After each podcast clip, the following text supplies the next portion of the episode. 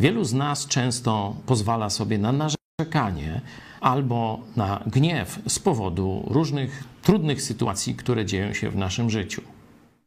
Warto jednak spojrzeć na to uczciwie. Warto zadać sobie pytanie: czy aktualna sytuacja, problem, kłopot, cierpienie, czy nie jest wynikiem mojej, i tu wpisz właściwe, zaniedba, zaniedbania, niefrasobliwości, głupoty, lekceważenia Bożych nakazów, lekceważenia Pisma Świętego, czy tego, co mi mówią inni bracia i siostry w kościele.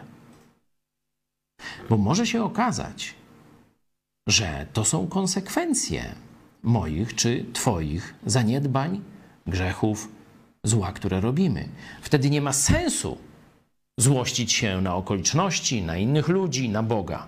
Wtedy trzeba powiedzieć: Ja sobie tego to nagrabiłem. Boże, teraz pomóż mi z tego wyjść.